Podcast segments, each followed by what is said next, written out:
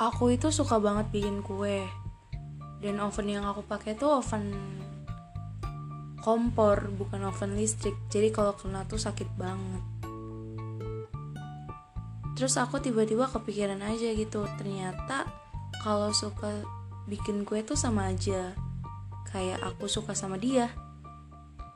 Setiap kali bikin kue tuh aku pasti entah sekali atau dua kali tuh kena ovennya dan setiap itu aku mikir kayak kayaknya aku udah gak mau bikin kue lagi deh.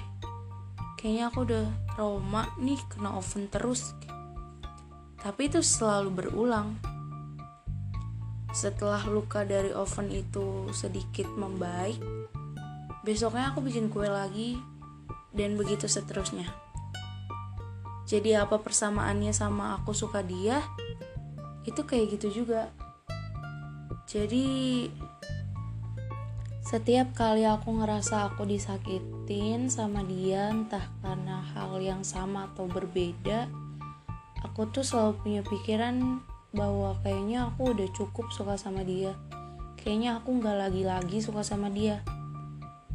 Tapi kenyataannya setelah lukanya sudah cukup membaik aku kembali jatuh hati lagi sama dia aku kembali suka lagi sama dia